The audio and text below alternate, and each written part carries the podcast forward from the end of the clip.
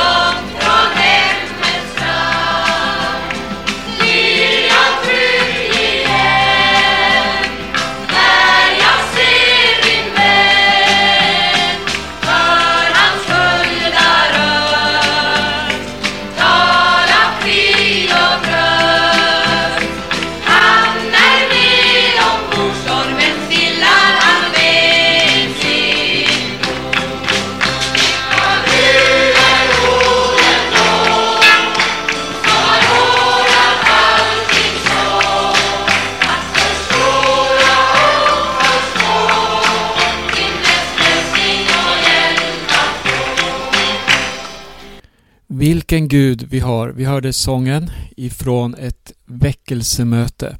Alltså en live-upptagning. Och Det här kommer vi att få möta i det här programmet.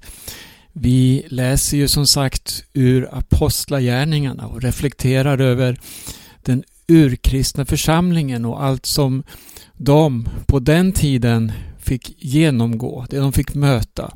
Men också hur de i allt fick se Guds omsorg.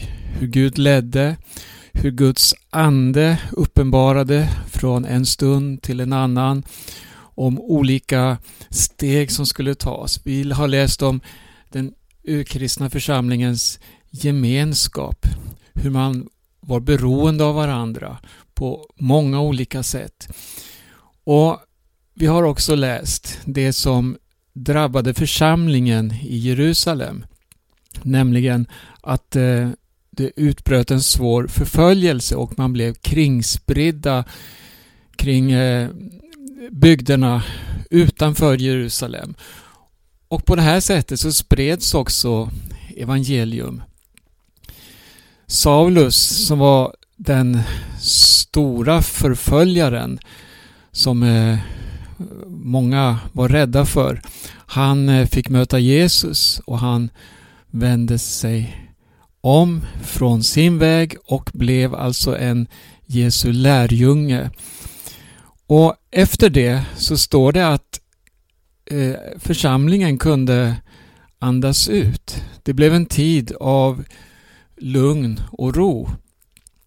Men nu när vi kommer in i det tolfte kapitlet då möter vi ännu en gång hur förföljelsen tar fart igen.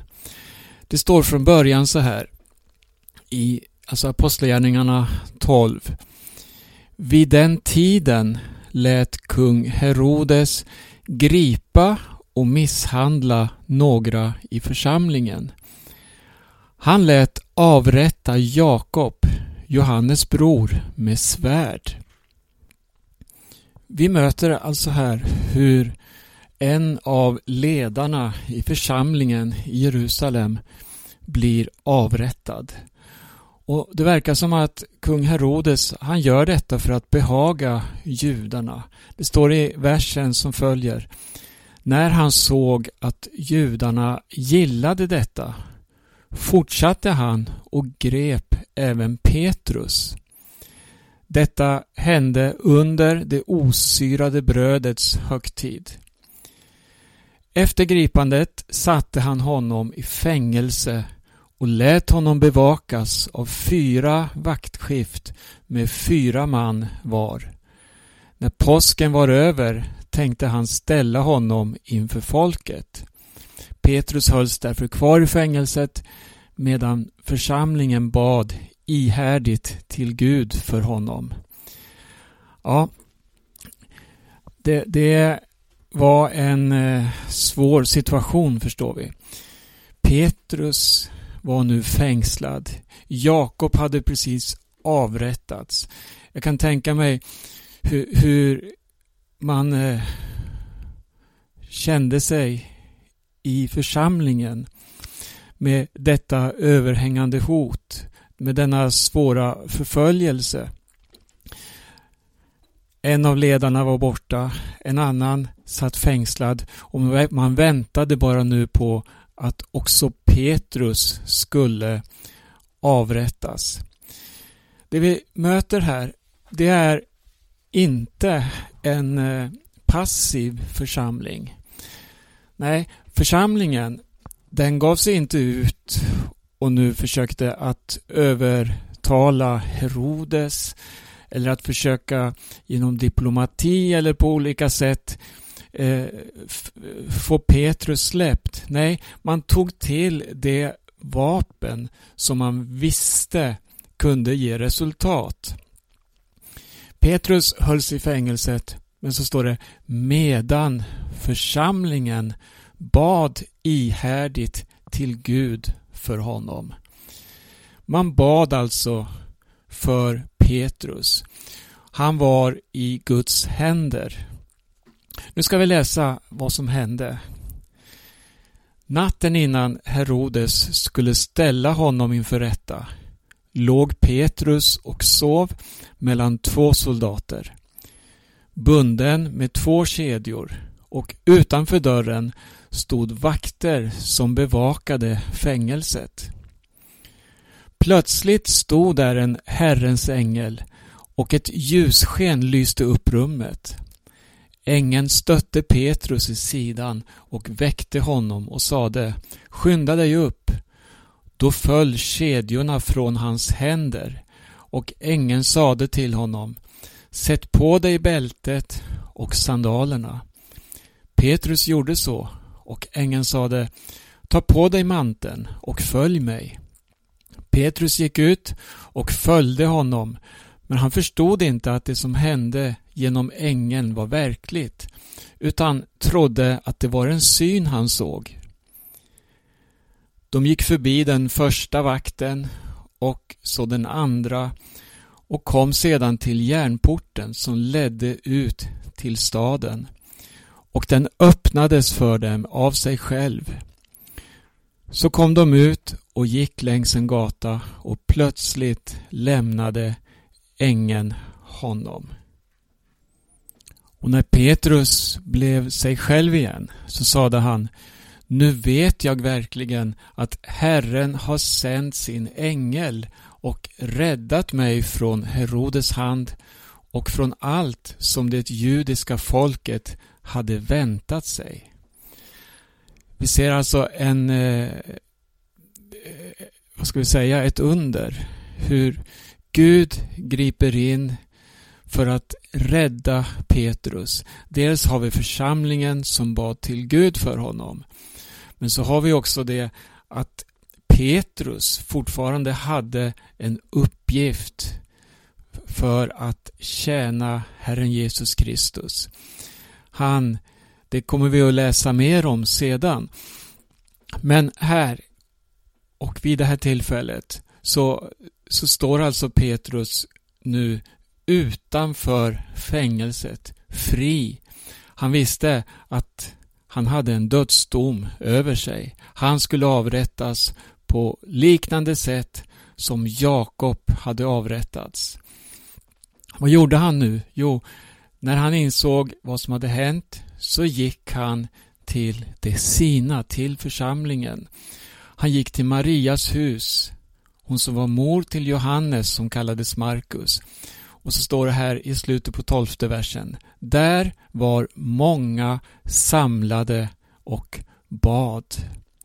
Vilken oerhörd makt det är i bönen. Vilken styrka det är att läsa dessa verser där det står att församlingen bad till Gud. Och så ser vi i bibeltexten parallellt hur Gud svarar, hur Gud verkar. Hur Gud, han agerar då vi beder. Många gånger tycker vi kanske att våra böner inte når fram. Men kom ihåg att Gud är en bönhörande Gud. Eh, det som hände här, det var så Eh, speciellt så att de som bad för Petrus, de trodde inte ens på bönesvar. Lyssna här vad, vad som hände fortsättningsvis. Vi läser från den trettonde versen. Petrus bultade på porten och en tjänsteflicka som hette Rode gick för att öppna. När hon kände igen Petrus röst blev hon så glad att hon istället för att öppna sprang in och berättade Petrus står utanför porten. De sade till henne Du är tokig. Men hon försäkrade att det var så. Och då sa de Det är hans ängel. Under tiden fortsatte Petrus att bulta. Och när de öppnade såg de till sin häpnad att det var han. Han gav tecken åt dem med handen att vara tysta. Och så berättade han för dem hur Herren hade fört honom ut ur fängelset.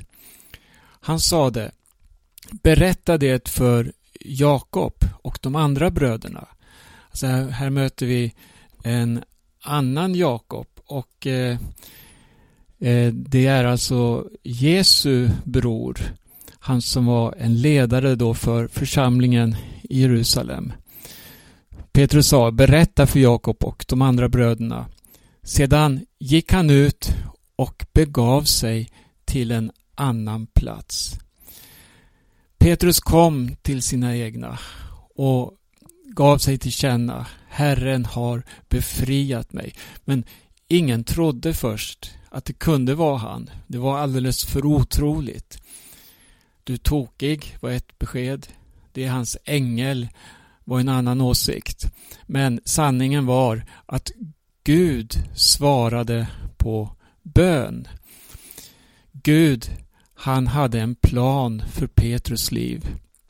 Och Petrus gav sig nu väg till en annan plats.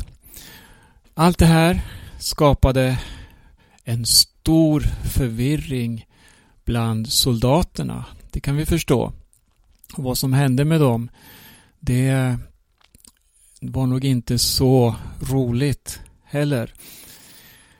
Det står så här i vers 18. Förlåt, 18. På morgonen blev det stor förvirring bland soldaterna. Vad hade hänt med Petrus?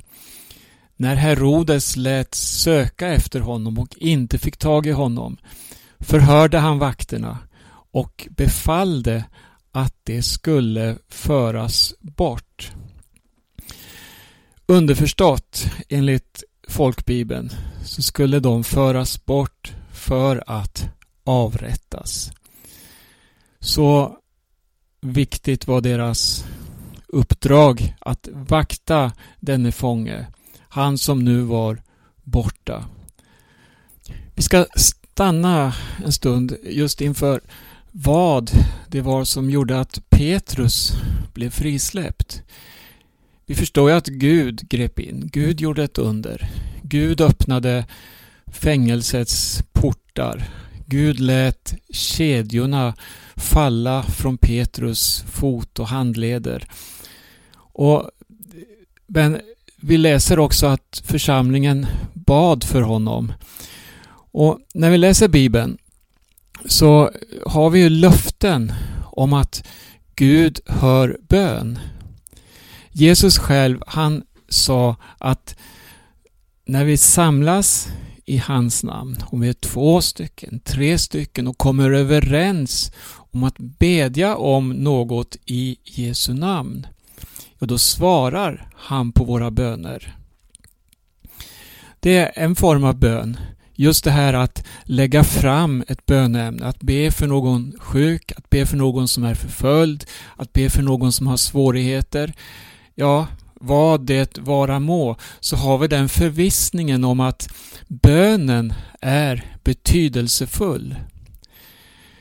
Vi kan lägga fram något som tynger oss. Vi kan lägga fram också något som gläder oss. Vi har böneämnen, vi har tacksägelseämnen. Men i allt så har vi just detta.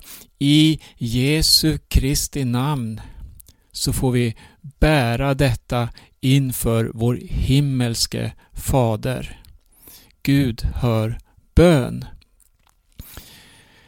Det står i Nya Testamentet om personer som eh, bad och som inte bara bad men som var utrustade med just den helige Ande.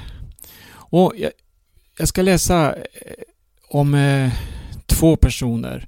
Och det här var tidigt i evangelierna när Jesus fortfarande var ett litet barn och han bars fram i Jerusalem. Det står i Lukas andra kapitel om eh, två äldre personer.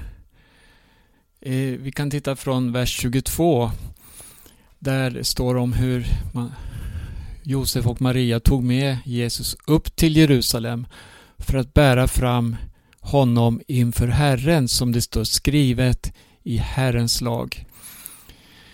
Vers 25. I Jerusalem fanns en man som hette Simeon. Han var rättfärdig och gudfruktig och väntade på Israels tröst och den helige Ande var över honom. Av den helige Ande hade han fått en uppenbarelse att han inte skulle se döden förrän han sett Herrens smorde. Ledd av anden kom han till templet och när föräldrarna bar in barnet Jesus för att göra med honom som man brukade enligt lagen tog han honom i sina armar och prisade Gud och sa Herre, nu låter du din tjänare gå hem i frid, så som du har lovat. För mina ögon har sett din frälsning, som du har berett inför alla folk. Ett ljus med uppenbarelse för hedningarna och härlighet för ditt folk Israel. Här ser vi alltså Simeon, hur han välsignade Jesusbarnet. Och så sa han till hans mor Maria. Se, han är satt till fall och upprättelse för många i Israel och till att vara ett tecken som väcker motstånd. Också genom din själ ska det gå ett svärd, så ska många hjärtans tankar uppenbaras.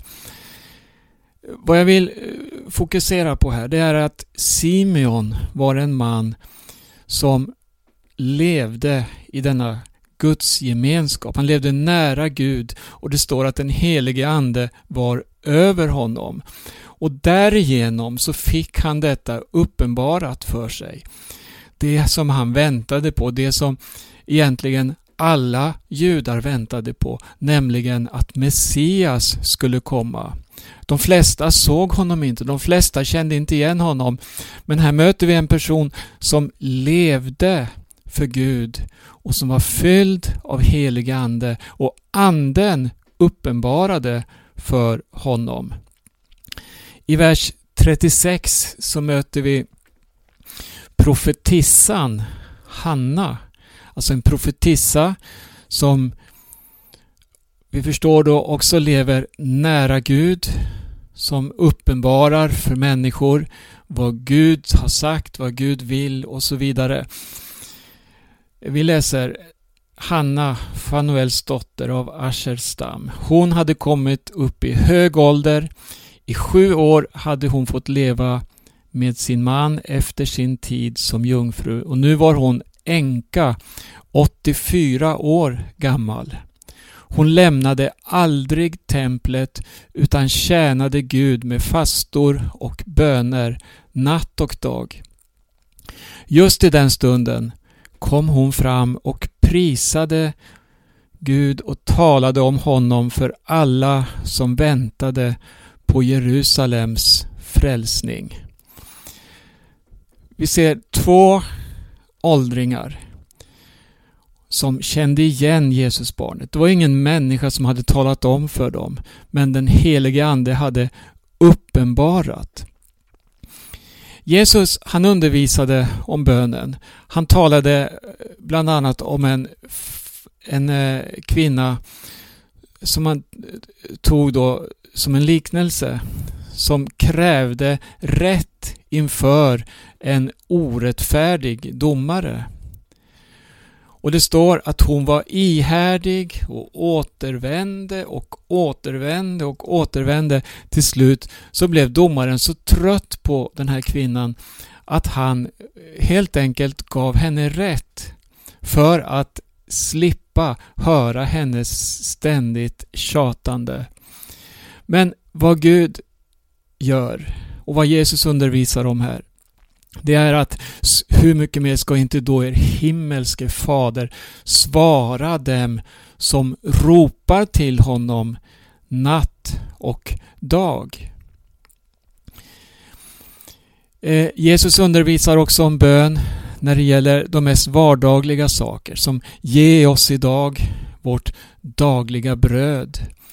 Han undervisar om bön på, på, i, i sådana här ja, nära händelser. Det, det, är ett budskap som handlar om att vi kan leva i bönen, leva i förtröstan. Vi får bära varandra i bön inför Gud. Det, det är oerhört hälsosamt och det är en oerhörd styrka. En sak till. Vi kommer till Apostlagärningarna. I Inledande kapitlet så uppmanar Jesus sina lärjungar. Stanna i Jerusalem. Vänta på löftet. Och vad gjorde lärjungarna? Det står om dem att de samlades i övre salen i Jerusalem. Och där var man samlade under tio dagar. Vad tror ni att de gjorde? Pratade ihjäl tiden? Nej. Hade några andra intressen? Nej. Man bad till Gud om löftet som var givet.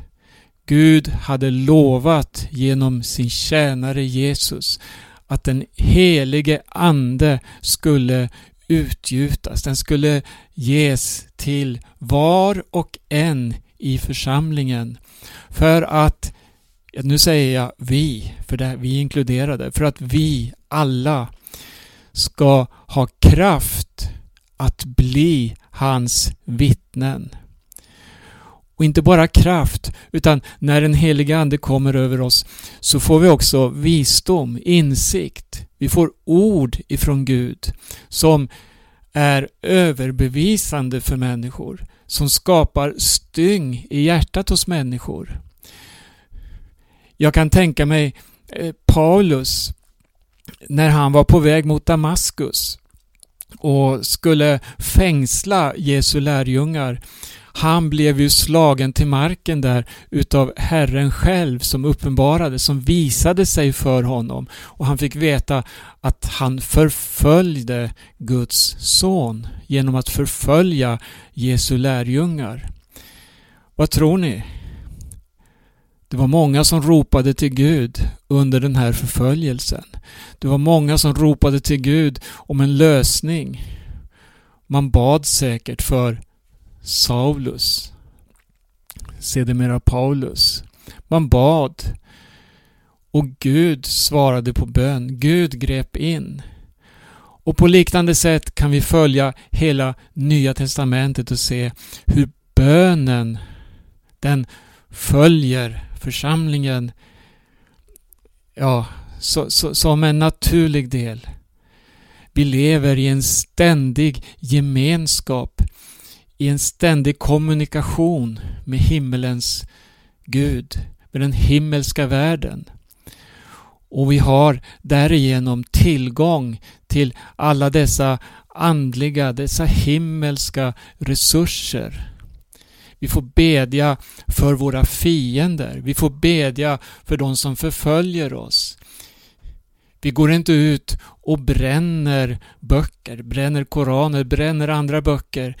Utan vi går ut i bön och vi går ut med ett erbjudande om att det finns en Gud som älskar varje människa. En Gud som vill frälsa. Det är ett försoningens budskap. Det är ett kärlekens budskap som bryter ned hat, skapar frid och glädje hos människor. Detta budskap vill vi förmedla, men vi behöver leva i denna kommunikation, i denna bönens ande och vara fyllda av den helige Ande som, som, som eh, Bibeln talar om.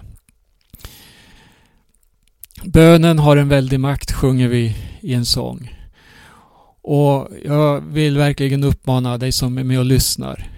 Sök dig närmare Gud. Ta tid. Avskilj dig. Tala med Herren i din ensamhet. Eller om du har möjlighet att komma tillsammans med någon. Så be tillsammans och lägg fram böneämnen, tacksägelseämnen. Bed för Herrens vittnen. Bed för människors frälsning i denna sena tid. Tiden är kort.